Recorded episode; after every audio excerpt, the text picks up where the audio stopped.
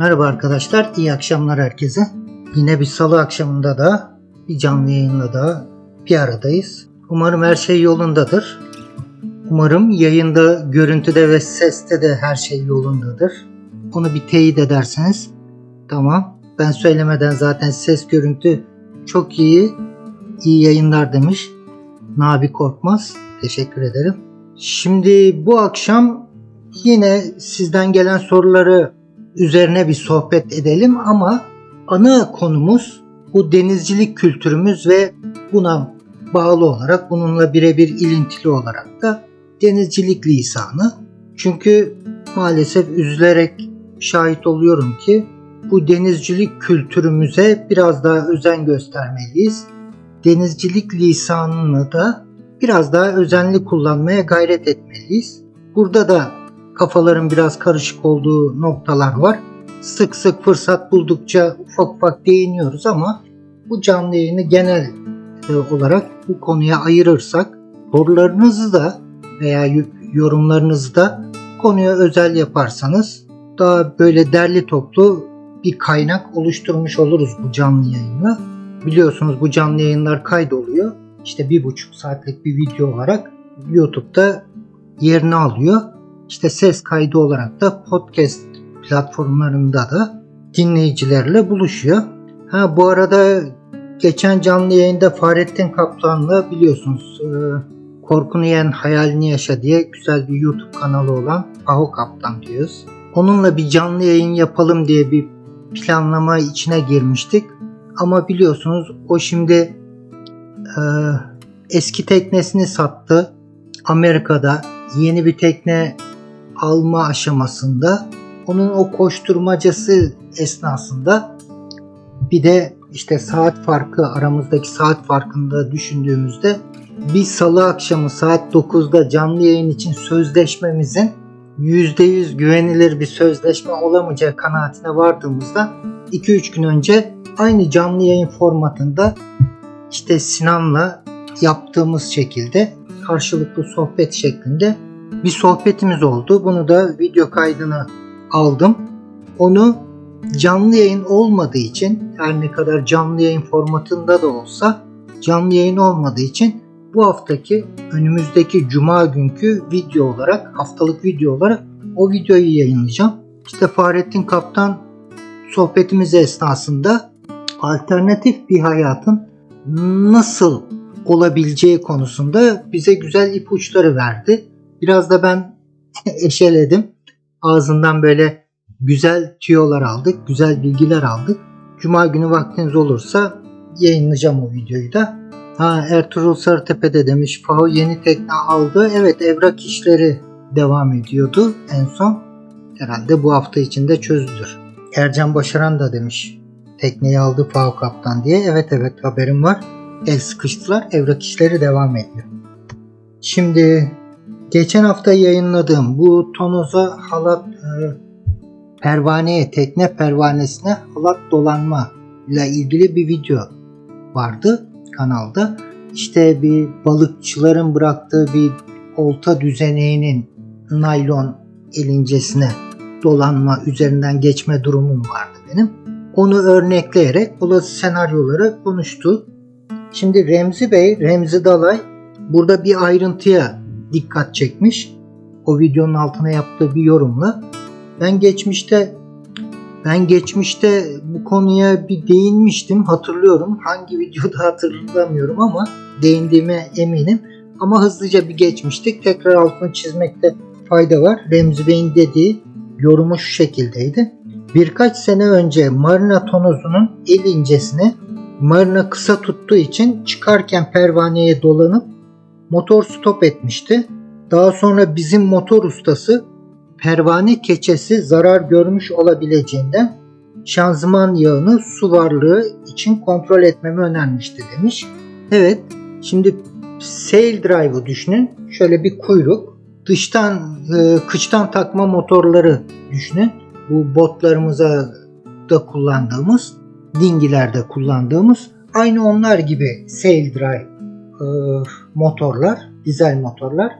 Yani böyle bir kuyruğu var aşağıda denize doğru giren ve 90 derece açılı bir şaftla da ucunda pervane var. Şimdi o pervaneyi taktığımız şaft o-ringlerle lastik contalar diyelim.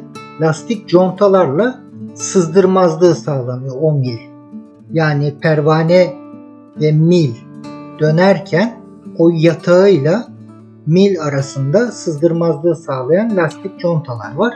Eğer herhangi bir nedenden dolayı pervaneniz vibrasyonlu dönerse yani mil ekseninden kaçık dönerse oradaki lastik contalar tam sızdırmazlık görevini sağlayamayabiliyor.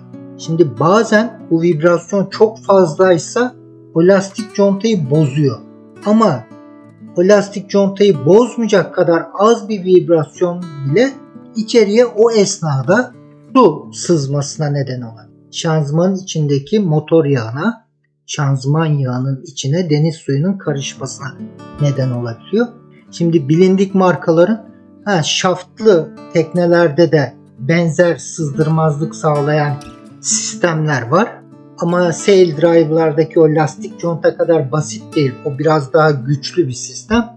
Dolayısıyla e, şaftlı teknelerde bu vibrasyon pervaneye halat dolanması gibi herhangi bir nedenden dolayı oluşacak vibrasyon orada sızdırmaya çok fazla da imkan tanımıyor. Güçlü bir sızdırmazlık sistemi var, contalama sistemi var. Şaftlı sistemlerde sail drive'lara nazar.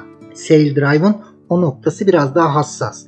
Ama şimdi Volvo Penta'nın veya Yanmar'ın bir sail drive'ına bir miktar bu bahsettiğimiz şekilde deniz suyu şanzıman yağına karıştığında öyle hemen bir günde iki günde o şanzıman çöpe gidecek duruma gelmez. Ama böyle bir şey yaşadığınızda konu özelinde işte pervaneye bir halat dolandığında vesaire ilk fırsatta motor yağı, e, şanzıman yağının içinde deniz suyu var mı yok mu diye bir analizini yapmakta fayda var. Şimdi bu sail drive yağı tekne denizdeyken de üstten şırıngayla çekilerek de e, değiştirilebiliyor. Ama üstten çekilerek değiştirildiğinde yağın tamamı emilemiyor. Dibinde, sail drive'ın dibinde bir miktar kalıyor. Nasıl diyeyim %80'ini eski yağın alıyorsunuz. %20'si orada kalıyor. Tamam yağı bir nebze yenilemiş olursunuz. Eğer deniz suyu içinde çok çok azsa ve hemen de karaya alıp komple yağı drain edip alttaki drain tapasında değiştirme imkanınız hemen kavuşamayacaksanız en azından o şekilde yaparsınız. Yani üstten şanzıman yağını çekip çekebildiğiniz kadar çekip üzerine temiz yağ ekleyerek bu şekilde ona da dikkat çekmiş olalım. Şimdi bir de geçmiş videolarda şimdi sizin yorumlarınıza da ara ara göz gezdireyim. Serdar Başer ülkedeki kültür yozlaşmasının yansıması olarak her alanda olduğu gibi denizcilik kültüründe de kekamozlar oluşuyor. Ya durum bence zannettiğimizden daha da sıkıntılı bir yerde. Çünkü denizcilik lisanı tamamen baştan aşağı yanlış kullanılıyor. İşte denizcilik gelenekleri, görenekleri adı altında bir sürü safsata hayatımızda daha da fazla yer etmeye başlıyor. Zaman içinde işte teknolojik, kültürel gelişmeyle beraber bu safsatalardan kurtulmamız gerekirken biz daha çok o safsatalara sarılıyoruz. E bunlar da konuşa konuşa anlata anlatı kurtulacağız. Özellikle doğru terminolojiyi kullanmak bizi daha başlangıçta ilk adımı doğru yola atmamızı sağlayacaktır. Mesela buraya ben notlar aldım şimdi. Bazı notlar çünkü önemli bir konu. O notları da zaman zaman göz gezdirerek bu akşamki canlı yayını devam ettirelim istiyorum.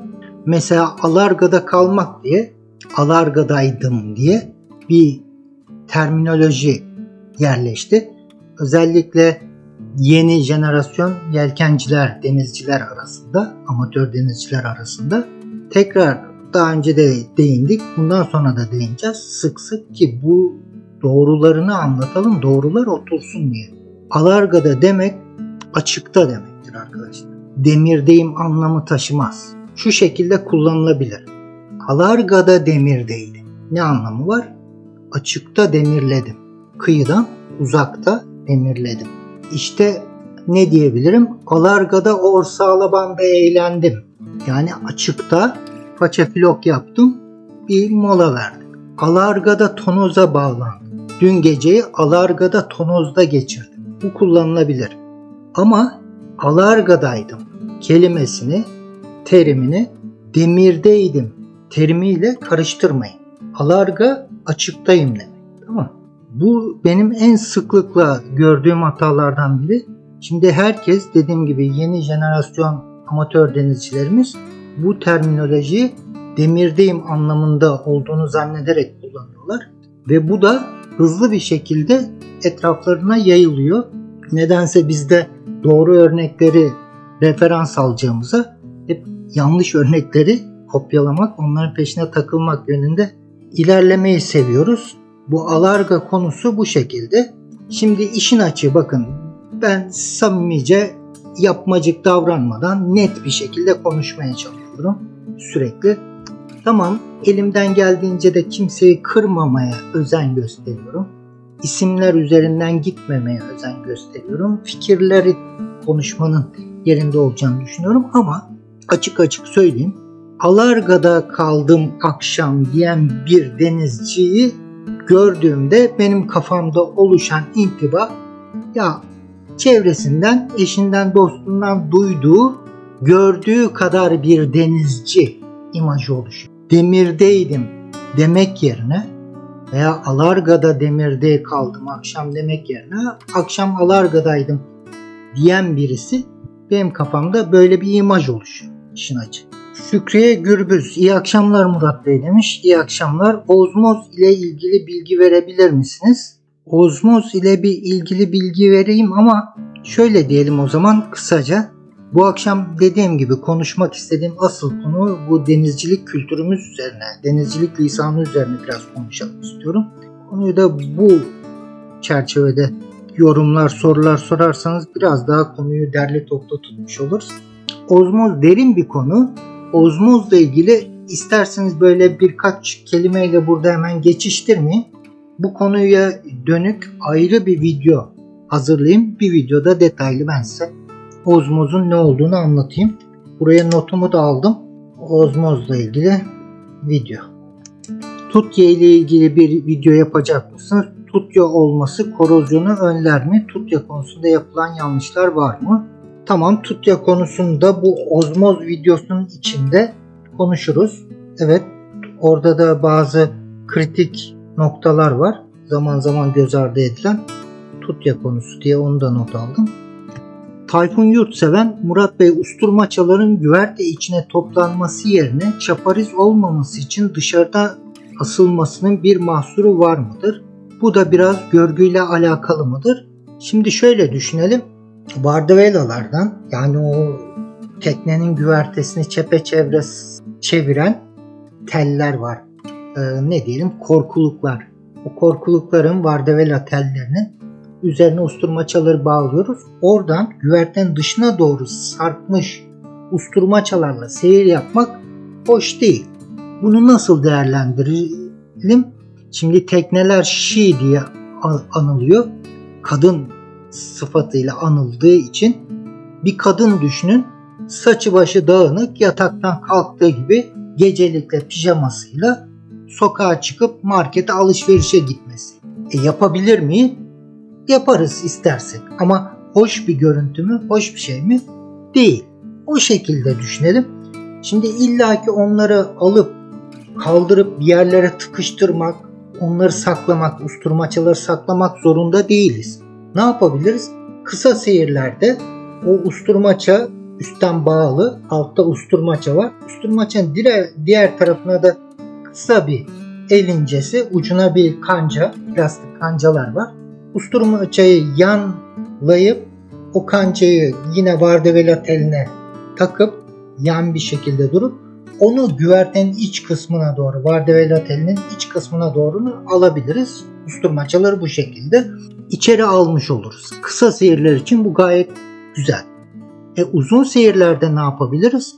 Usturmaçaları uzun seyirlerde tamamen vardevela tellerinden ayırmak Eğer saklayabileceğiniz bir portuçunuz, boş yeriniz yoksa da teknenin kıç tarafındaki push pit'e, kıç tarafındaki krom demirlere, kromlara usturmaçalar teknenin kıç tarafında kalacak şekilde size de seyriniz esnasında çaparız yaratmayacak şekilde işte iskele tarafa, sancak tarafa bölüştürerek üst üste oraya kazık bağıyla bağlarsınız veya uzun seyirlerde yine e, yeterli depolama alanınız, portuçlarınız müsaitse portuçlara kaldırırsınız.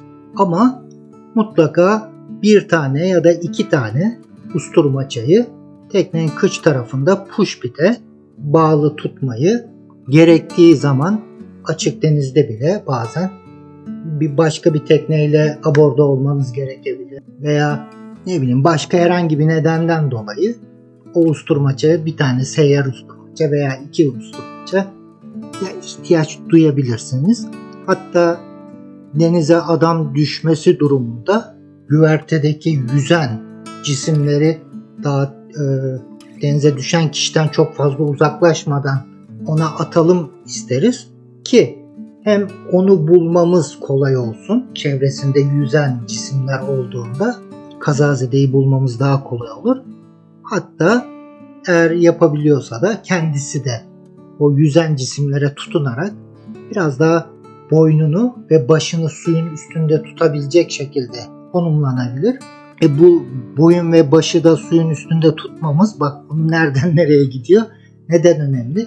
Hipotermi için vücudun ısı kaybının %40'ı boyun ve baş bölgesinden olur. Neredeyse yarısı. E, dolayısıyla boynunuzu ve başınızı suyun üstünde tutmanız demek hipotermi olma süresi, hipotermiye girme sürenizi neredeyse iki katı uzatacaktır. Hatta iki katından çok daha fazla uzatacaktır. Çünkü havadaki soğuğun sizi hipotermiye uğratma süresi denizin suyun içindeki soğuğun sizi hipotermiye uğratma süresinden 10 kat daha uzun. Yani suyun içinde kaldığında 10 kat hızlı hipotermi girersiniz gibi. Usturmaça konusu bu şekilde. Yelken basmak çok popüler bir tabir ama denizcilik terminolojisinde yeri yok. Almanya'dan ya, e, demiş Bora Karakol. Sami Devrim, denizcilik tarihimiz oldukça eskilere dayanmasına karşın neredeyse tüm terimler neden yabancı kökenli? Evet, aslında bizim Türkler olarak biz at sırtında göçebe bir hayat süren bir topluluk olarak Orta Asya'dan Anadolu'ya göçmüş bir e, topluluğuz. Bizim aslında öyle çok derinlemesine bir denizcilik kültürümüz yok.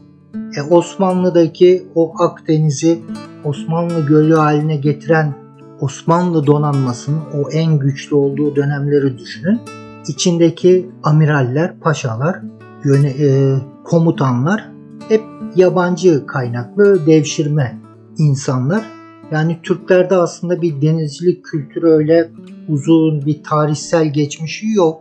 E bundan kaynaklı da sıkıntıların bir kısmı da ondan kaynaklanıyor. Mesela bu fırtına takvimi. Şimdi pek çok denizci bu konuda bana kızıyor. Bu fırtına takvimine safsata dediğim için. Ama bir incelemek lazım o deniz e, şey fırtına takvimini. Mesela Hamsin fırtınası diye bir fırtına var. Hamsin ne demek? Hamsin. Hamsi değil. Mesela o fırtına takvimine safsata dediğim videonun altına birisi yorum yazmış. Bu fırtına takvimi nerede, hangi bölgede geçerlidir diye soruma istinaden.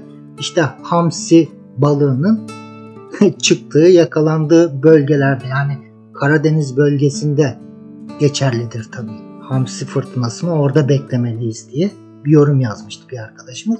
Yani düşülen hataları görelim. Hamsi fırtınası değil o. Hamsin ne var? Hamsin de Arapçada 50 demek.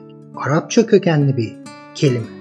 Mısır'da, Libya'da, işte bu Sina Yarımadası'nda o bölgelerde oluşan nasıl diyelim Kuzey Doğu Afrika çöllerinde uzun süreli oluşan çöl kumunu da kaldıran bir çeşit fırtınaya verilen oradaki verilen isim o Hamsin fırtınası. Şimdi sen fırtına takvimi geçerlidir diyerek Hamsin fırtınasını İstanbul'da beklersen çok beklersin. Ha ne oluyor? Fırtına takvimindeki fırtınalar 2-3 günlük erken ya da geç gelinebilir diye bir not düşülüyor altına esnetebilmek adına. Bu sefer ne oluyor? İstanbul'da bir denizci dostumuz işte bu fırtına takvimine meraklı bir denizci dostumuz o tarihlerden 2 gün önce 3 gün sonra olur. Bir sert havaya rastladığında bak denizci e, fırtına takvimi çalışıyor. Gayet de başarılı diye Hamsin fırtınasını İstanbul'da yaşadığını zannediyor. Tamamen yani iç içe geçmiş artık neyin doğru neyin yanlış olduğu karışmış durumda. Birincisi kesin bir dille fırtına takvimini reddediyor. Kesin. Aması öylesi şöylesi böylesi yok. Fırtına takviminin Türk denizciler için hiçbir anlamı yoktu. Baştan sona safsata. Elinizin tersiyle itin. Artık bundan kurtulun. Bunlar boşu boşuna denizcilerimizin vakit kaybetmesinden öte hiçbir anlam taşımıyor. Bu bu şekilde. Mesela geçenlerde yine zannedersem 2-3 hafta önce bir videoda işte bu hava var kelimesini terminolojisini çok sık kullanıldığını ve onda da aynı alargada teriminde olduğu gibi hataya düşüldüğünü dikkat çekmiştim. Hava var. Şöyle desek daha güzel olur mu? Hava raporlarında, hava tahmin raporlarında 8 bofor hava gözüküyor veya 7 şiddetinde hava bekleniyor veya bu gece hava sertleşecek. Seyrimiz boyunca sürekli sert havaya maruz kaldı. Terminolojiyi bu şekilde kullanırsak tam olarak oturuyor her şey yani. Mesela bunu neye benzetebiliriz? Birisi sizin hoşunuza gidecek bir davranışta, söylemde veya bir e, size iyi niyetli yaklaşımda bulunduğunda ne deriz? Teşekkür ederim. Değil mi? Doğrusu budur. Kullanımı. Teşekkür ederim. Veya kısaltırız teşekkürler ederim. Daha da kısaltıp T, Ş, K diye yazanlar olur. Şimdi teşekkür ederim var. 7 şiddetinde hava. Teşekkür ederim. Ya da TŞK hava var. Tamam Teşekkür ederim mi demeyi tercih edeceksiniz. TŞK demeyi. Şimdi o videonun altına da bazı dostlarımız, bazı arkadaşlarımız çekincelerini yorum olarak dile getirdiler. Mesela bir arkadaşımız işte benim eşim uzun yol kaptanı o da hava var diye kullanıyor demiş. Hatalı kullanılıyor. Tembellik mi dersiniz? Önemsememek mi dersiniz? Teşekkür ederim yerine TŞK yazmak gibi bir şey. Mümkün olduğunca düzgün denizcilik terminolojisi. Tamam ben Türkçe'ye çok hakim birisi değilim. Mutlaka benim anlatımımda da, yazımımda da Türkçe ile ilgili, dil bilgisiyle ilgili büyük hatalar zaman zaman yapıyor olabilirim. Bu kanalda Türk Tarih Dil Kurumu'nun bir uzantısı değil. Ama denizcilikle ilgili bir şeyler anlatıyorsak en basit temel denizcilik terimlerini de doğru kullanmaya özen gösterelim. Yani doğrusunu biliyorken neden onu işte eğip bükelim, kısaltalım, hatalı anlamlar çıkabilecek şekilde kullanalım. Bu noktadayım ben. Tekrar sizin mesela o hava var şeklinde kullanmayalım. Hava bekleniyor şeklinde kullanmayalım. Biraz daha uzun halini kullanalım dediğim videoda. E balıkçılar da eski balıkçılar da o şekilde diyen bir arkadaş oldu. Ya arkadaş yani tamam TŞK yazan çok kişi var. Ama doğrusu o değil. Ona dikkat çekmek istiyorum. Mümkün oldukça doğruları örnek alalım. Doğruları çoğaltalım. Evet sizin yorumlarınıza da şöyle göz gezdireyim. Oğuz Tanrısever güzel bir noktaya dikkat çekmiş. Maalesef tüm denizcilerimizde hepimiz dahil olmak üzere denizcilik terimlerini kullanmayı iyi, iyi denizcilik olarak düşünüyor. Bu da çok sık hata yapmamıza neden. Aynen işte o demirdeydim demekten neden insanlar çekiniyor? Yani alargadaydım. Alargadaydım.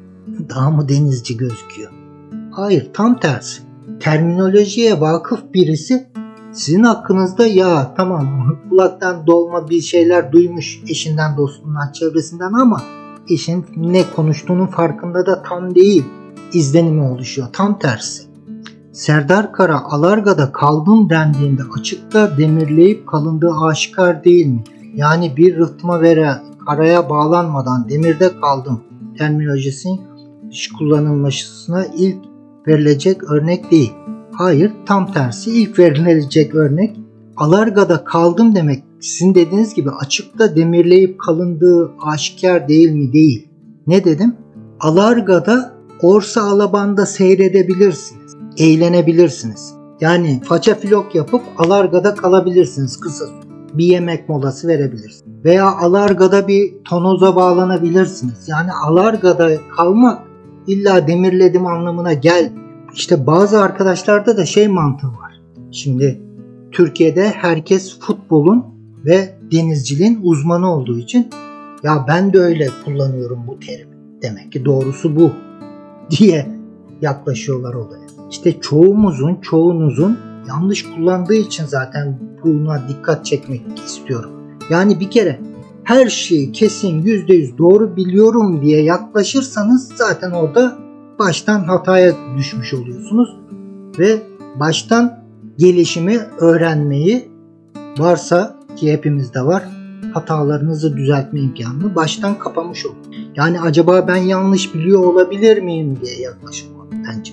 Düzenli bir takım çantasında gerekli olan el aletlerini açıklayan bir video yapmayı düşünüyor musun demiş Ahmet Efik. Tamam o konularla teknik konularla işte bir motor arızaları konusunu işlerken o takımlar konusunda işleyeceğiz.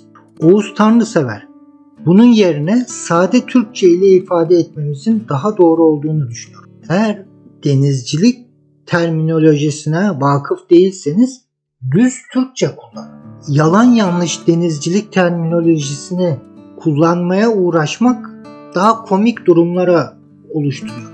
İşin kötüsü bu komedi geniş kitlelere böyle yanlış bilgi yayılınca da trajediye dönüş. Tamam bir kişinin iki kişinin karşınıza geçip yalan yanlış sağdan soldan duyduğu denizcilik terimlerini kullanarak konuşmaya gayret etmesi yani onu da fazla kırmadan hafif bir tebessüm etmenize neden olabilir. Ama dediğim gibi yeni nesli %90'ı çoğunluğu bu şekilde hatalı kullanmaya başlayınca iş komedinin ötesine geçmeye başlıyor. Kesinlikle sancağı bilmiyorsanız teknenin sağ tarafı değil. İskelesi bilmiyorsanız iskelesi deyin. Alarganın ne anlama geldiğini bilmiyorsanız işte demirdeydim deyin. Tonoza bağlandım deyin. Orsa alabanda eğlendim deyin. Yani yaptığınızı söyleyin. Alargadaydım. Alargadaydım da tamam açıktaydım demek. Bu da yanlış değil. Açıktaydım da demirdeydim anlamı taşımıyor. Saate de bir yandan gözüm saatte olsun. Bir buçuk saati geçirmeyelim. Bazen ben konuşmaya başlayınca kaptırıp gidiyorum.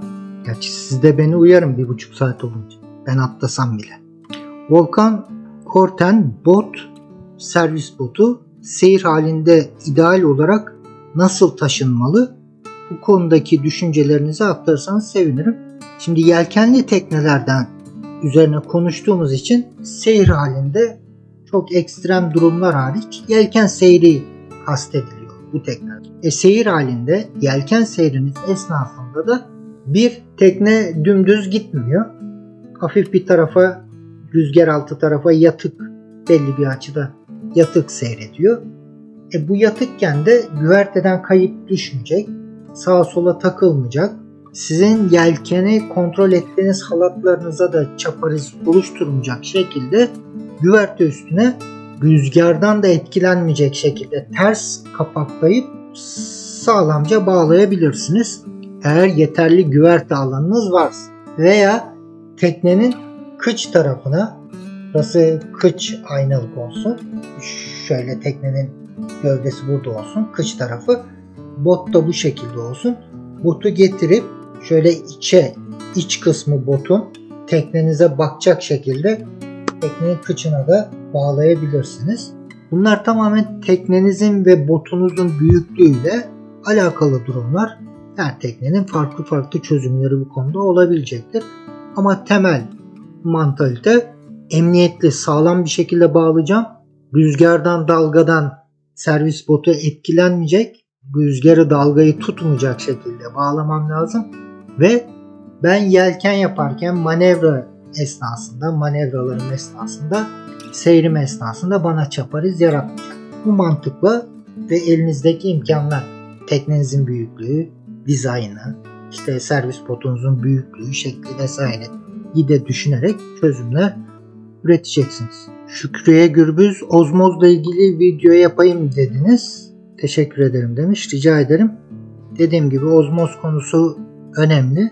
Hatta bu konuda benden daha tecrübeli, daha bilgili, böyle ozmoz tekne tedavisi yapan, doğru bilgiye sahip bir arkadaşımızı da konuk alabiliriz. Bu konuyu onunla da detaylandırabiliriz. Öylesi belki de daha iyi olur. Bu ozmoz konusunu netleştireceğiz merak Şükriye Gürbüz demiş ki denizcilik lisanı ve adabı ile ilgili şöyle söyleyebilirim ki ben eşim ve birçok arkadaşımız için durum şu ki herkes denizin içinde büyümüyor, sonradan gönül verip sonradan öğreniyor. Tamam, kesinlikle gayet güzel, doğru ama işte sonradan bu denizler ülkesinin vatandaşı olmaya niyetlendiyseniz lisanı tam olarak vakıf olmadan işte sağdan soldan duyduklarınızla emin olmadığınız kelimeleri kullanmayın. Bu sefer hatanın yayılmasına sebebiyet verir. Dediğim gibi düz Türkçe kullanalım. Teknenin sağı deyin, teknenin solu deyin. Teknenin ön tarafı deyin, pupasını provasını bilmiyorsanız ön tarafı deyin, teknenin arka tarafı deyin. Yani bunlar gocunulacak şeyler değil. Dediğiniz gibi hiçbirimiz doğuştan denizci doğmuyor. E zaman içinde öğreniyoruz ve öğrenme de öyle tamam ben öğrendim denilecek bir şey değil. Öğrenme bir süreç. Hayat boyu devam eden bir süreç. Buna bu gözle bakma gerekiyor. Kesinlikle haklısınız, hak veriyorum. Ama emin olmadığımız kelimelerde, terminolojiyi de kullanırken biraz daha dikkatli olmakta fayda var. E herkes böyle kullanıyor. E işte o zaman ne oluyor? Teşekkür ederim yerine TŞK yazmak normalleşmeye var. E herkes öyle yazıyor. Herkes öyle yazıyor diye doğrusu o değil işte. Bu yüzden bir denizcilik lügatı el kitabı yazarsanız çok sevinirim. Eminim ki bir çok vardır ama günceli önemli demiş Şükriye Gürbüz. Ya böyle bir kitap yazsak ne kadar faydası olacak? Ama biz böyle sohbetlerimizde, bu videoların içinde bu terminolojiyi ben zaten üstüne basa basa kullanıyorum. E tamam ben %100 denizcilik terminolojisine dilimde dönmüyor. Hakim miyim? Hayır, denizcilik terminolojisi geçmişten gelen bir kültürün bir devamlılığın içinde düşünülmesi gerekiyor. Çok kapsamlı ama en azından kullandığım kısmındaki kullandığım ter, terimlerin doğru kullanmaya özen gösteriyorum. %20'sini kullanıyorum belki denizcilik terminolojisini ama o %20'yi olabildiğince doğru kullan. Aklıma gelmeyen, bilmediğim bir denizcilik terminolojisi bir kelime varsa da onun düz Türkçe karşılığını kullanabiliyorum. Yani bu şekilde yaklaşırsak bence daha az sorun yaşamaya başlayacağız. Şimdi bir kelime çok mu şeyi değiştiriyor? O öyle demiş, bu böyle demiş. Teşekkür ederim yerine TŞK yazsa ne olur diyeceksiniz. Ama dediğim gibi yanlış terminoloji bizi yanlış yerlere sürüklüyor. Yanlış yola adım atmamıza neden oluyor. Zaten ondan sonra o yol bizi yanlış yere çıkıyor. Şimdi denizcilik kültürü. Şakura da bugün kullandığımız birçok el aletinin kökeni Rumcadır. Sadece denizcilik terimleri değil. Üretilmeyen bir şeye adlandırma yapamazsınız. Aynen denizcilik terimlerinde olduğu gibi. Evet yani üreteceğiz ya. En azından doğrusunun oturmasını sağlamamız lazım. E, doğruyu örnek alınca da onu yaymamız gerek. Yoksa TŞK yazmayı normalleştirmeme. Aynı şeydeki gibi. Tamam tüm diller birbirinden etkilenir. İstemesek de e, Türkçe işte Farsçadan etkilenmiştir, Arapçadan etkilenmiştir. Fransızcadan etkilenmiştir. İşte Rumcadan etkilenmiştir. Çünkü bulunduğunuz coğrafyadaki kültür geçişleri gibi kelime, lisan geçişleri de oluşuyor. Dil, lisan canlı bir olgu olarak düşünülüyor. Sürekli yenileniyor, gelişiyor.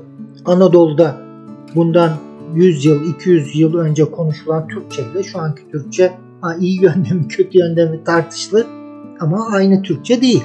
Veya bir İstanbul Türkçesi dediğimiz Türkçe 200 yıl önceki İstanbul Türkçesi ile şu anki İstanbul Türkçesi aynı değil. Dil yaşıyor. Farklı çevresel kültürlerden, dillerden de etkileniyor. Tamam. Ama bir Hamsin fırtınasında İstanbul'da beklemek anlamına gelmiyor. Oğuz Tanrısever konu dışı bir soru olacak ama hidrolik ve elektrikli otopilotun avantaj ve dezavantajları nelerdir acaba? Yok konu dışı değil. Sonuçta konumuz denizcilik. Bunun üzerine sohbet ediyoruz. Elektrikli otopilotların dümen palasına uygulayabileceği tork daha kısıtlı. Eğer tekneniz daha büyük bir kütleye sahip, hacme sahip daha büyük bir tekneniz varsa nispeten daha büyük bir tekne o zaman elektriki dümen palanız da ona göre büyük olacaktır ve etrafından dümen palasının etrafında akan suyun miktarı da dümen palanıza orantılı olarak fazla olacaktır.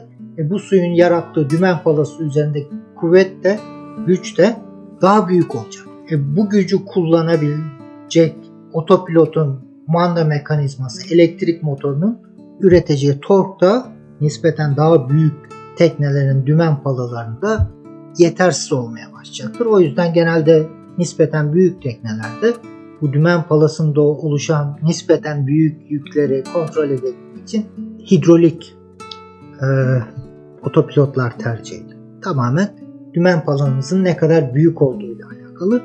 Ama eskiden beri kullanılan sistemler var. Hatta eski uçaklarda da kullanılan bir sistem bu. Trim tap dediğimiz olay.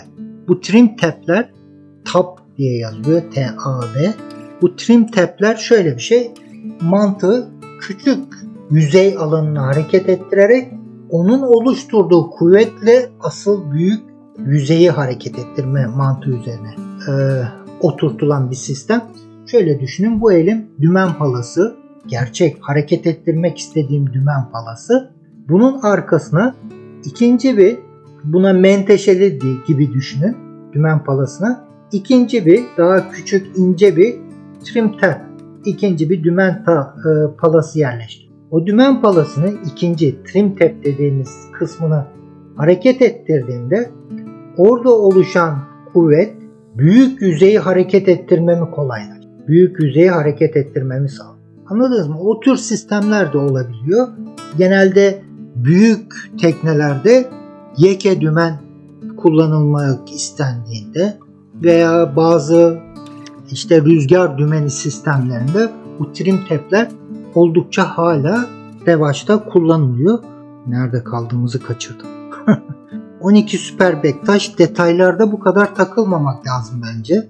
Hava var, sert hava var anlamına geliyor. Biz sizden değerli tecrübelerinizi paylaşmanızı bekliyoruz. Peki emredersiniz. Ertuğrul Sırtepe demiş ki maalesef söylediğiniz TŞK sosyal medyanın hızlı yazmaya yönelik insanların çabucak edindiği bir alışkanlık ve Türkçeyi de çok çirkinleştiriyor. Mehmet Çetin bir ülkeye denizden giriş kuralları hakkında bilgi verebilir misiniz? Ya ülkeden ülkeye değişiyor. Yani öyle kesin şöyle şöyle şöyle kurallar var diye bir liste yapmak çok doğru değil ama genel olarak işte gümrük pasaport polisinin gümrük polisinin olduğu bir limandan e, giriş yapmanız gerekiyor. Temel mantık bunun üzerine kuruldu. Mesela Yunanistan'ın karasularında seyir yapacaksınız. 3-5 gün dolaşacaksınız. İlk Yunanistan karasularına girdiğinizde direkt işte pasaport polisinin olduğu, gümrük polisinin olduğu bir yerden pasaportunuzla ülkeye girişinizi yaptırın. Mantık bu. Ve daha önce de sık sık dile getirdiğim gibi denizcilere, amatör denizcilere, küçük yelkenlilere yine ülkeden ülkeye dönemden döneme farklılık gösterse de genel bir e, böyle hoşgörülü yaklaşım söz konusu. Mesela akşam geldiniz mesai saati bitiminde vardınız bir adaya Yunan adasına. Yunanistan bize yakın diye örnek veriyorum. Demirlediniz. Akşam demirde kaldınız orada. Ertesi sabah da mesai saatiyle beraber hatta biraz oyalandınız uzun bir kahvaltı yaptınız. Saat 10'da 11'de pasaport polisine girdiniz. Akşam ben geldim. Akşam geldim demirledim. Şimdi de ülkeye giriş yapmak istiyorum diye işlemlerinizi yapmanız. Genel mantık bu. Şeye de dikkat edin. Ülkelere sınır ihlali yapmak, kaçak yollardan giriş yapmak, buna teşebbüs etmek bunlar hep ciddi suçlar. Emin olmadığınız, bilmediğiniz konularda ya böyle demişti bilmem kim diye hareket etmeyin. Konular ciddi konu. Gümrük konuları ciddi konular. Yani olmadık böyle e, işi yokuşa sürecek sizden hoşlanmamış bir e, ters bir memura denk gelirsiniz. Oldukça başınızı belaya sokacak durumlara düşebilirsiniz. Mehmet İnanıcı bot güverte üstüne bağlanacak ise bir de kaçış kaportalarına tıkayacak şekilde bağlanmamalı. Evet ama şimdi o firar kaportaları dediğimiz acil çıkışlar, tavandaki hatchler, büyük hatchler hem ön kabinde oluyor genel olarak hem de salonda oluyor. Bir tanesinin şimdi mecbur kaldınız. Botunuzu koyabileceğiniz bir yer yok. E mecbur kalıp öndeki kabinin üstündeki o firar kaportasını acil çıkışı hatch'ini üzerine konumlandırabilirsiniz. E, acil bir durumda da bu sefer salondaki firar kaportasını kullanmanız gerek. Önemli olan ikisini birden kullanım dışı bırakmamak. Çok mecbur kalmadığınız sürece ideali tabii ki ikisinin de kullanılabilir durumda olması ama mecbur olduğunuzda en azından bir tanesini gözden çıkarabilirsiniz. Özhan Türkoğlu bu yaz çeşmede yanan bir yelkenli teknedeki çift bot nedeniyle açılamayan ön eçten çıkamadığından yanarak öldü. Seyir sonunda mutlaka botu yukarı kaldırıp çıkış açık hale getirilmeli demiş. Evet. Çimen Atalay, Murat Bey sahil güvenlik sayfasında denizcilik terimleri sözlüğü var demiş. Tamam. Bir göz gezdireyim o sözlüğü. Olmadığı şeyden de paylaşırım ya. En azından e, tam yerini sizlerle paylaşırım. Üzerine daha detaylı konuşuruz. Bir göz gezdireyim. Ahmet Refik, dil, terimler ve denizcilik eğitimi izlediğim kadarıyla Türkiye'de ne yazık ki çoğunlukla okullar yerine dene ve öğren veya çok kişi 1-2 haftalık kurslarla olduğundan köklü ve doğru bilgilere dayanmıyor demiş. Atilla Eken, deniz kuvvetleri denizcilik terimleri sözlüğünde de açıkta açıkta bekleme yazılmış. Açıkta demirlemek denmemiş diye bir teyit etmiş. Alarga kelimesi. Evet alarga demek açıkta demek. Yani açıkta demirleyebilirsiniz. Alargada demirleyebilirsiniz. Alargada bir tonoza bağlanabilirsiniz. Açıktaki bir tonoza. Alargada orsa alabanda eğlenebilirsiniz. Açıkta kısa süreli faça filok yapıp tekneyi bir mola verirsiniz. Bir yemek molası verirsiniz. Vesaire gibi. Şükriye Gürbüz hocam demiş. Hocam terimini çok sevmiyorum, hoşlanmıyorum. Size soracak sorumuz var ama bugünün gündeminde değiştirmek istemiyoruz. Bizi gibi insanlar için tekne almak üzereyiz. Bizim gibi insanlar için bir soru cevap yayını yapabilir misiniz? Ya tekne alımı üzerine boş boş goy goy yapmak istemiyorum. Pek çok YouTube videoları var tekne satın alma üzerine konuşulan. Tekne satın alma konusu tamamen kişisel bir konudur. Bu şimdi şeye benziyor. Ben hangi kızla evleneyim? Veya ben işte şöyle bir adamı sevdim. Onunla evlensem mi? Yani bunu ben bilemem ki. Buna benziyor. Çok kişisel bir konu. Ha benim dikkat çektiğim bazı kriterler var. Birkaç videoda geçmiş videolarda bu tekne seçerken nelere dikkat etmeliyiz diye benim bakış açımı yansıtan birkaç videom kanalda zaten var. E onun üzerine de böyle bunu tekrar tekrar pişirip pişirip bunun üzerine biliyorum çok seviyorsunuz. Biliyorum bu tür videolar yapsam çok çok izlenecek. Çok hoşunuza gidecek ama kimseye de bir faydası olmayacak işte. O yüzden Şükriye Gürbüz'e tavsiyem geçmiş videolarımı bir incelemeniz. Bu tekne seçme konusundaki videolarımı bir izlemeniz belki bir fikir verebilecektir. Şükriye Gürbüz ya da özel olarak sizinle konuşma fırsatımız olur mu demiş. Hayır. Yani özel bir danışmanlık vermiyorum. E Malta'da yaşıyorum. Türkiye'deki mesela sıklıkla bana yapıyorsunuz bunu. İşte Instagram'dan, Facebook Messenger'dan, şuradan buradan mesaj gönderiyorsunuz. İşte sahibinden.com'daki bir ilanı bana gönderiyorsunuz. Bu tekneyi alayım? Birincisi ben yurt dışından sahibinden.com'a giremiyorum. O gönderdiğiniz ilanlara bakamıyorum. İkincisi baksam ne olacak? Birkaç resmini, satıcının yazdığı birkaç cümleyi okuduğum, birkaç resmini gördüğüm bir tekne hakkında size nasıl bu tekneyi alın almayın gibilerinden fikir verebilirim. Ha, bunun üzerine çok konuşurum. Sizin de çok hoşunuza gidecek şeyler de söylerim ama size bir faydası olmaz ve yanıltıcı olur. Buraya da troller uğruyor hocam demiş. troller her yerde. Murat Kaptan dünya gezilerinde tekneyi nasıl sigorta yaptırıyoruz? Sizin yine sigorta da o şekilde. Sizin sigorta şirketleriyle birebir yüz yüze görüşmeniz de olacak. Türkiye'deki çoğu e, sigorta şirketi zaten tekne sigortası üzerine e, uzmanlaşmış sigorta şirketleri değil. Ha, bu tekne ikinci el tekne piyasasının canlanması, insanların denize olan ilgisinin artmasını kâra dönüştürmek isteyen bazı bu konuda uzmanlaşmamış sigorta şirketlerinin işe de dahil olmasıyla çoğunluk tekne sahibinin sigorta yaptırdığını görüyoruz. Ama onlar da o tür sigorta şirketleri de Akdeniz, Ege ve Marmara'yı Karadeniz'i kapsayacak şekilde yani Cebel Tarık'ın dışına çıkıldığında geçersiz olacak şekilde poliçeler düzenliyorlar.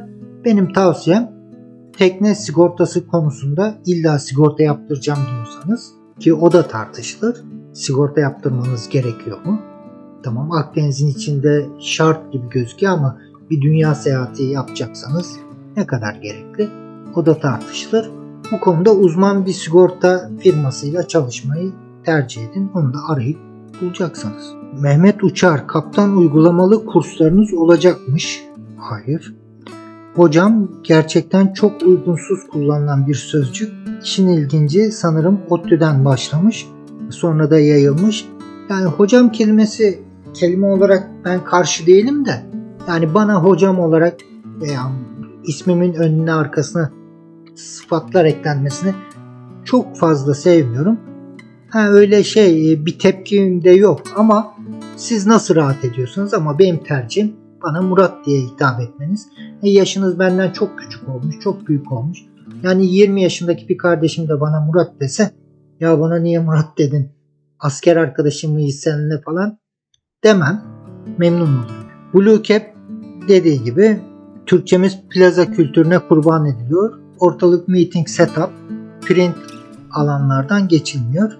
Yabancı terim kullanmak insanları adeta daha havalı gösteriyor. Aynı şey denizcilikte de geçerli. Evet zaman zaman ben de yapıyorumdur. Mesela verdiğiniz örnek print kelimesini kullanıyorumdur. Ama print bir İngilizce terim. Şimdi ben hayatımın çoğunu bu canlı yayınlarda olmasa neredeyse tamamını İngilizce yaşıyorum.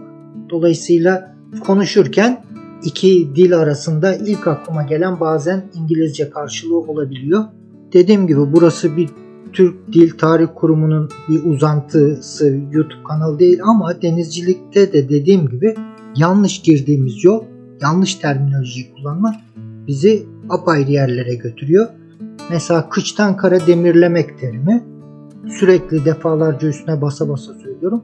Kıştan kara demirlemek dediğinizde demirlemek. Ben demirledim diyor. Kıçtan kara demirledim diyor. O zaman demirdeyken de demir fenerini yakmam lazım diyor. Hadi al başına bela iş karışıyor gidiyor. Kıştan karaya bağlı tekne demir feneri. Neden? Kıştan karaya bağlıyım demiyor adam. Kıştan kara demirledim diyor. O zaman da demir fenerini yakıyor kendince mantığını da kafasında oturtuyor. Ama gittiği nokta yanlış. Bu sefer başka bir denizci adam demirde demir feneri var. Bunun çevresinden dolaşabilirim diye düşünebiliyor. haklı olarak. Ekrem Durgun, katamaran veya monohol tekne arasında kullanım kolaylığı açısından ve teknik açıdan nasıl seçim yapabiliriz? Yani bambaşka tekneler. Yani bir katamaranla monohol hem kullanım hem yaşam alanı ne bileyim e, idamesinin masrafları bambaşka. Yani apayrı dünyalar. Birebir elma ile armutu karşılaştırmak gibi olur. E siz beklentilerinize, bütçenize uygun olanı kişisel tercihleriniz doğrultusunda, kişisel ihtiyaçlarınız ve beklentileriniz doğrultusunda kendi tercihinizi yapmanız gereken bir nokta. Atilla Eken demiş ki Marmara Denizi'nin kuzeyden güneye, doğudan batıya kıyılarını dolaşan kaptanımız var mıdır diye bir soru sor. Tayfun Yurtseven dilimiz Arapçadan, Farsçadan, Fransızcadan o kadar evrilmiş ki İngilizce terimler o kadar garip gelmiyor açıkçası. Evet yani dediğim gibi ister istemez zaten bütün lisanlar pür, saf, kendi halinde bin yıl kelimelerini koruyabilmiş bir lisan yok. Mutlaka çevre kültürlerden, çevre lisanlardan etkileniyor tüm diller. Ve bu etkileşim de karşılıklı oluyor. Mesela Farsçadan Türkçe'ye geçmiş kelimeler olduğu gibi Türkçeden eminim ki Farsça'ya geçmiş kelimeler de var. Yani karşılıklı bir etkileşim söz konusu. Zaten etkileşim, değişim bir kültürün, bir lisanın diğerine baskın gelmesi şeklinde oluyorsa diğerini eritmesi, e, işte onu değiştirmesi şeklinde oluyorsa buna asimilasyon deniyor. Yani o bir dil etkileşiminin ötesine geçiyor. Ayhan tipi eski videolarınızda sonradan yapılan yorumları okuyor musunuz? Evet. Bütün e, şimdi sistem şöyle çalışıyor. YouTube'a ben girdiğimde bana özel kanalımla ilgili bir panel açılıyor. O panelde yorumlar kısmına girdiğimde orada yukarıda bir seçenek var. Cevap vermediğim tüm yorumlar. O seçili oluyor ben. Yani benim ilk yayınladığım videoya da bir yorum yapsanız, yeni bir yorum yapsanız o oraya düşüyor.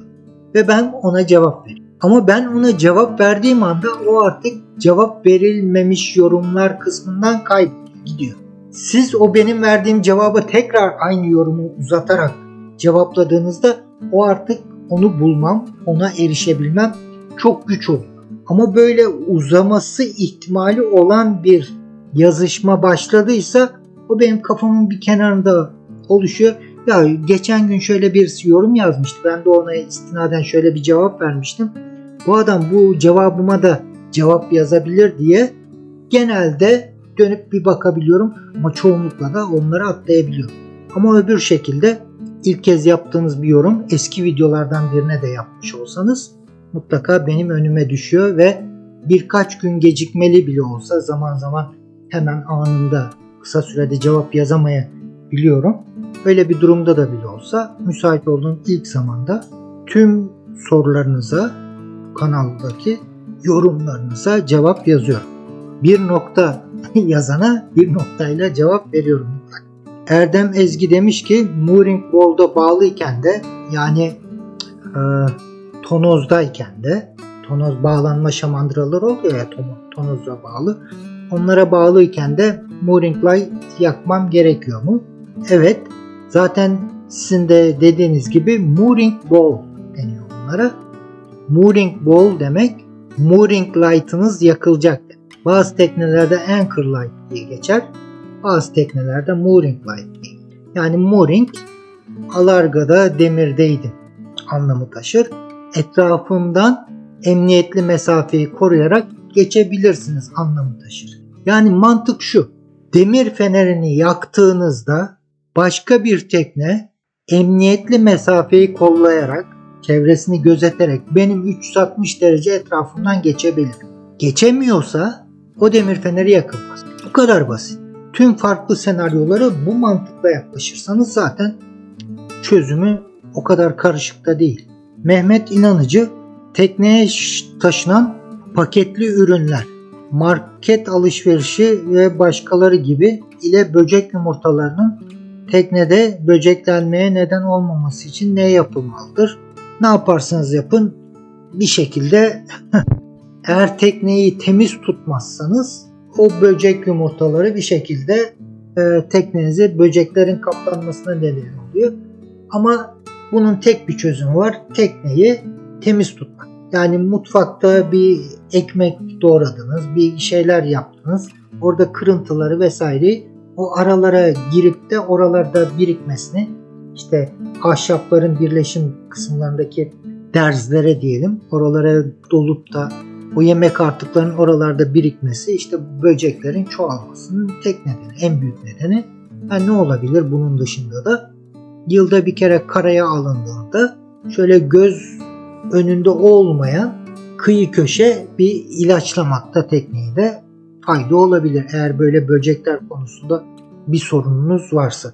Emre Özer, balon yelkenle asimetrik balon arasında fark nedir? Teşekkür ederim demiş. Dünyanın en yavaş aracıyla yarışmayı gereksiz görüyorum. Dolayısıyla bu kanalda yarışmak üzerine herhangi bir şey bulamayacaksınız. E bununla ilintili olarak da balon yelken kullanımı hakkında herhangi bir şey anlatmayacağım. Tırnak içinde söyledim bunları birinci videodan alıntılı. Türkiye'de koylarda kıçtan kara yapan tek bazı tekneler. Şimdi bu terminolojiyi de biraz değiştirelim mi? Şimdi doğrusunu yayalım diye. Kıçtan kara yapan değil. Kıçtan karaya bağlanan. Tamam mı? Doğru terminoloji bu. Şimdi kıştan karaya bağlanan tekneler terim, terimini kullanmaya başladığımızda her şey yerli yerine daha kolay olur. Kıştan kara yapan değil. Kıçtan karaya bağlanan tekne. Tamam. Terim bu. Kıçtan karaya bağlanan tekneler. Bazı tekneler yanlarına başka tekne girmesin diye iki tekne arasına ip çekiyorlarmış. Hiç başınıza geldi mi? Şimdi Türkiye'de kıçtan karaya bağlanmanın bu kadar revaçta olmasının pek çok nedeni var. İşte bahaneler de var. Gerçekçi, çok gerçekçi olmayan nedenler de var. Ne deniliyor ki işte bizim e, Ege, Güney Ege'deki koylarımız hızla derinleşen koylar. Dolayısıyla işte açıkta demirlemeye çok da müsait koylar değil deniyor. Bunun için kıçtan karaya bağlanıyoruz diyorlar. Ama benim gördüğüm kadarıyla bu tamamen tercih meselesi. Kıştan karaya bağlanmak istemeyen tekneler, demirde konaklamak, gecelemek isteyen teknelere uygun koylar binlerce. Ege'de demirleyecek koy bulamıyorum diyorsanız orada bir durup düşünmek gerekiyor. E, Ege'de demirleyecek koy bulamadım. O yüzden kıştan karaya bağlanıyorum demek bana çok da böyle gerçekçi gelmiyor. Bu tamamen kara insanının karadan kopamama psikolojisidir. Bir şekilde karaya bağlı olduğunda kendini güvende hissetme psikolojisidir. Bunun yanında sizin de dediğiniz gibi farklı yaklaşımlarla aynı o 70'lerde 80'lerin başında işte köyden göçtüm şehre mantığıyla şimdi de karadan denize bir göç söz konusu. O 70'li yılları bir düşünün. O köyden şehre göç ettim, büyük şehre göç ediyorum kültürünün sonunda ne oldu? Şehirlerde gece kondu mahalleleri türemeye. Bu aslında derinlemesine incelenmesi gereken sosyolojik bir durum. Aynı şey şu an kara insanlarının denize göç etmesinde de yaşanıyor. Kıçtan karaya bağlanan teknelerin sahiplerinin çoğu bu göçle o koylara gelmiş ve beraberinde gece kondu kültürünü de getirmiş insan. E bu gece kondu kültürüyle kara insanının koylarda kıştan kara bağlanması da dediğiniz gibi başka tekneler gelmesin diye ip de gererler. Her şeyi yaparlar yani.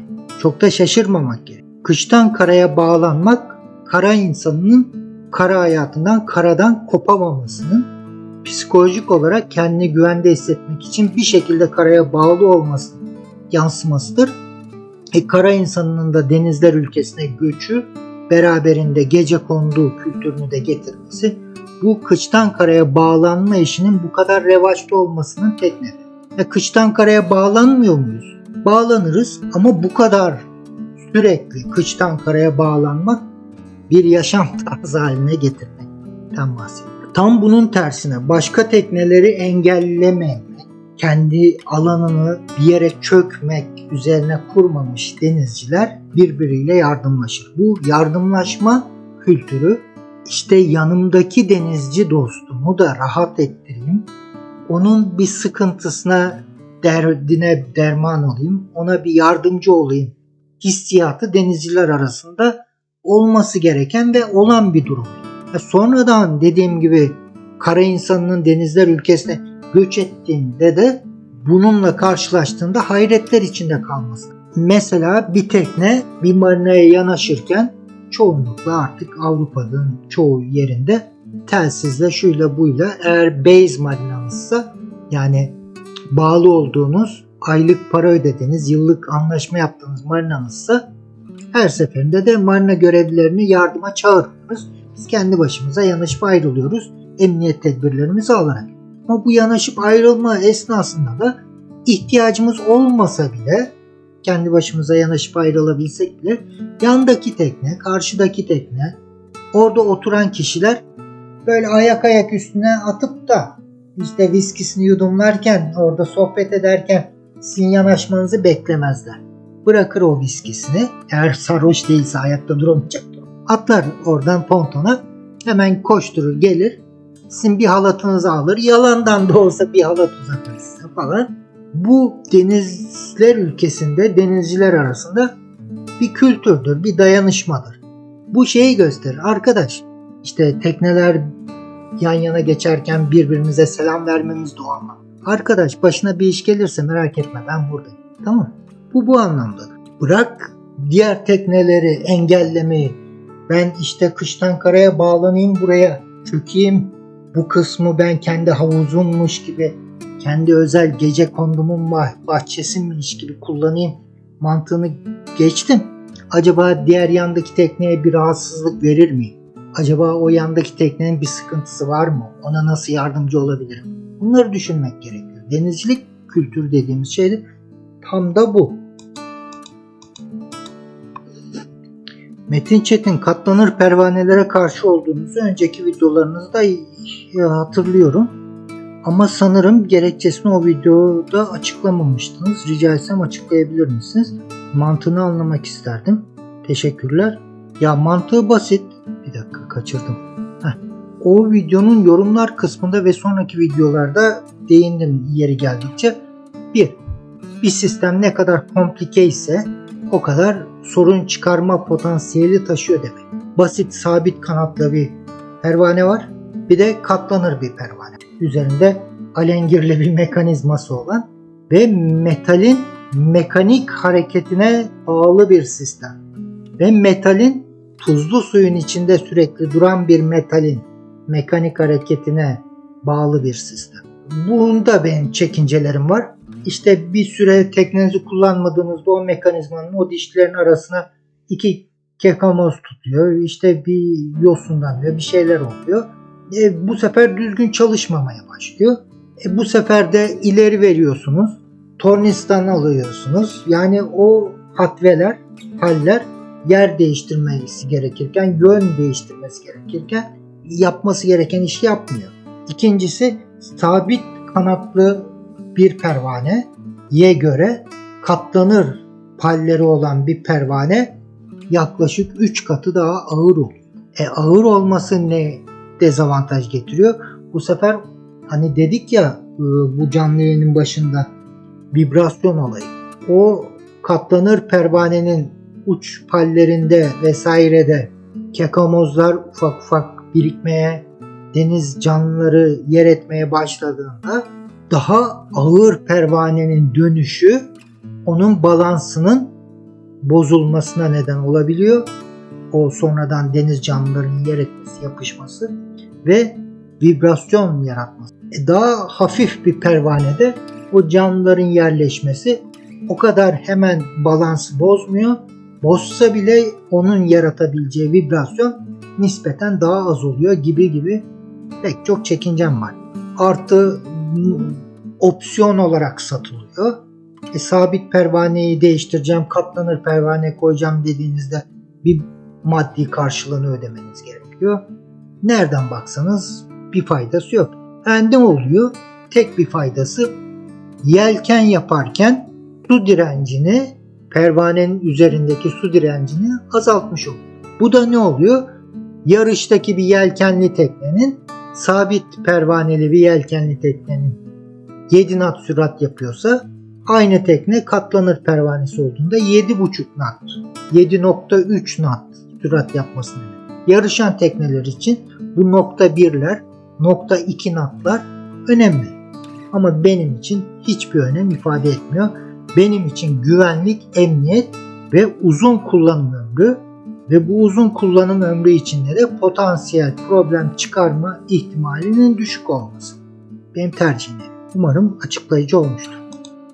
Bu akşam nedense trollerimiz çok. o bir buçuk saatimiz doldu. Şöyle hızlıca bir yorumlarınıza da göz gezdireyim. Aras Selim, Murat Kaptan gel sezonda bir göceki gör lütfen tekne sahibini memnun etmek için sığıştığımız yerleri bir görsen tam da dediğin gibi gece konduculara turizm amaçlı. Ya şimdi şey var tamam bir anda e, insanları eline sopa alıp da hizaya sokmak işte şöyle demirle kıçtan karaya bağlanma şuraya demir atma demek de mümkün değil. E ne olacak? Zamanla konuşa konuşa bu kültürün doğru bir şekilde yaygınlaşmasını sağlamaya uğraşacağız. Yapabileceğimiz tek bir şey. E bu esnada da ben mesela Türkiye'ye gelsem, e Türkiye'de Güney Ege'de e, eşimle, dostumla, arkadaşımla teknede bir hafta geçirecek olsam emin olun tek başıma demirleyeceğim çok güzel koylar bulurum. Yazın yoğun sezonda bile. Ama şimdi Göcek olsun işte e, bu Orhaniye tarafları olsun Hisaroni Körfez olsun bazı popüler e, koylar var. Popüler koylar. Oraya herkes bu gece konducular doluş tıkış tıkış. Çünkü orada bir gece kondu mahallesi oluşuyor. Şimdi kara insanının en büyük e, özelliklerinden biri e, bir arada olmak istiyor. Kendini öyle güvende hissediyor o gece kondunun mahallesinin bir parçası olmak niyetinde. Gidip tek başına biraz uzaktaki bir koyda, demirde kalmak yani ben burada tek başıma ne yapacağım şimdi? Psikolojisine girmesine ne? Tamamen ayrı dünyalar. Onun için sık sık belirtiyorum. Deniz insanına evrilmemiş bir kara insanı denizler ülkesine göç ettiğinde hem denizler ülkesi için büyük sıkıntı hem de bu kara insanı için büyük sıkıntı. O yüzden bir şekilde deniz insanına evrilmeye çalışmak. Eğer bu işi de bu şekilde yapamayacaksanız hem kendinize yazık etmeyin hem çevreye doğaya yazık etmeyin hem de diğer teknesiyle denizde yaşamak isteyen insanlara yazık etmeyin. O yüzden ben Göce'ye sezonda gelsem o popüler koylara girmem bile. Hiç onların yakınından bile geçmem. Nerede ıssız, ücra, kıyıda köşede kalmış bir koy var. Ben onun peşinde olurum. Onun arayışında olurum. Çünkü benim teknede tatil geçirme, yaşama mantığım sessiz, sakin, doğayla huzur içinde bir hafta geçirmek, günlerimi geçirmek. Yoksa ben zaten şehir hayatında, kara hayatında o curcunayı, o kalabalığı yaşıyorum. Denize niye gideyim? O curcunayı, o kalabalığı denizde de arzuluyorsam. Gökhan Baş. Şin sorusuyla sonlandıralım mı? Bir dakika soruyu kaçırdım. Tekne sigorta sorusunu Akdeniz sonrasına yapılamadığı için sormuştum. Kıçtan kara olunca yine bakın. Kıçtan karaya bağlanınca. Kıçtan karaya bağlanınca. Kıç halatlarını çok geniş bir şekilde bağlayanlar da ayrı bir ders konusu. Son olarak neden teknelere şi diyoruz? Ha, bunun esprili cevapları var. İşte bir tekne satın alırken de yani birlikteliğiniz başlangıcında da ve onunla bir hayatınızı devam ettirdiğiniz sürece de sürekli artık ona ilgi göstermeniz gerekiyor. Sürekli onu hoş tutmanız gerekiyor. Sürekli ona masraf yapmanız gerekiyor. Ve gelirken de giderken de elinizde avucunuzda ne var ne yoksa alıp götürüyor. Kimileri diyor ki o yüzden teknelere she deniyor İngilizce'de. Selim Ener demiş ki alargada hem baştan hem de kıştan çapa atılır mı? Bakın aynı terminoloji. Alargada değil. Demirdeyken. Tamam veya alarga da demir değil. Hem baştan hem de kıçtan çapa atılır. Yani asıl olan farklı yöntemler farklı şekillerde anlatılsa da hemen hızlıca bunu da cevaplayayım. Asıl olan güçlü bir çapanız olsun. Tek bir çapa. Ama güçlü, adam gibi. Yeteri ağırlıkta, yeteri büyüklükte. Güçlü, sağlam, doğru düzgün bağlanmış bir fır döndüğünüz olsun. Ve uygun kalibrede, kalınlıkta bir zinciriniz olsun. Tek bir çapa, demirleme ekipmanı %99 bütün demirleme ihtiyaçlarınızı karşılayacak. Böyle V şeklinde iki tane çapa atayım yapılabilir. Ama dediğim gibi çok çok ekstrem durumlar belki veya kıçtan baştan birer demir atılabilir. Bunlar olası uygulamalar ama öyle her gün yaptığımız uygulamalar değil. Belki yılda bir kere ya yapmanız gerekecek ya yapmayacaksın. O da sürekli denizde yaşıyorsa. E yılda bir iki hafta denize çıkmış bir insan belki ömrü boyunca böyle ekstrem demirleme şartlarıyla karşılaşmayacaktır. O yüzden benim dediğim gibi demirleme ekipmanınızda en basitinden seçin, düşünün. Yeteri kalitede, yeteri güçte, büyüklükte, ağırlıkta bir çapanız olsun. Gidip abuk subuk arayışlara öyle traktör peşinde çekilerek sahilde yapılmış testlere falan da aldanmayın. Çapa o şekilde test edilmez nasıl tutunuyor mutunuyor diye. Adam gibi bir çapa alın, adam gibi fır döndünüz. İşte e, bosa tutmanız gerekiyorsa onu uygulayın. İşte kalın bir zinciriniz olsun, yeterli kalomanız olsun. Bunun üstüne bütün demirleme opsiyonlarınızı kurun. İşte gerekirse ikinci çapayı atarım, üçüncü çapayı atarım, bir zincirin üzerine beş tane çapa bağlarım falan. Bunlara gerek yok. Şimdi cevaplamadığım, cevaplayamadığım vaktimizin yetmediği bazı sorular olabilir. O soruları isterseniz bu videonun, bu canlı yayının video olarak kaydedildikten sonra altına yorum olarak yazın. Burada sözlü olarak cevaplayamasam da mutlaka yorum olarak yazdıklarınızı ayrıca cevaplarım. Bu böceklenme konusunu isterseniz biraz daha böyle detaylı konuşalım madem. Bir sohbet başlamış böceklenme konusunda. Canlı yayının son anlarına denk geldi. İlk önümüzdeki canlı yayında konuşuruz bu konuyu. Daha detaylı. Hadi bu canlı yayını da burada bitirelim. Yine bir salı akşamı beni yalnız bırakmadınız, katıldınız. Hepinize ayrı ayrı teşekkür ederim. Cuma günkü e, Fahrettin Kaptan'la yaptığımız sohbet videomuzu seyretmenizi tavsiye ederim. Güzel bir söyleşi oldu. Keyifli bir söyleşi oldu. Cuma günkü videoda görüşmek üzere. Şimdilik hepiniz hoşçakalın.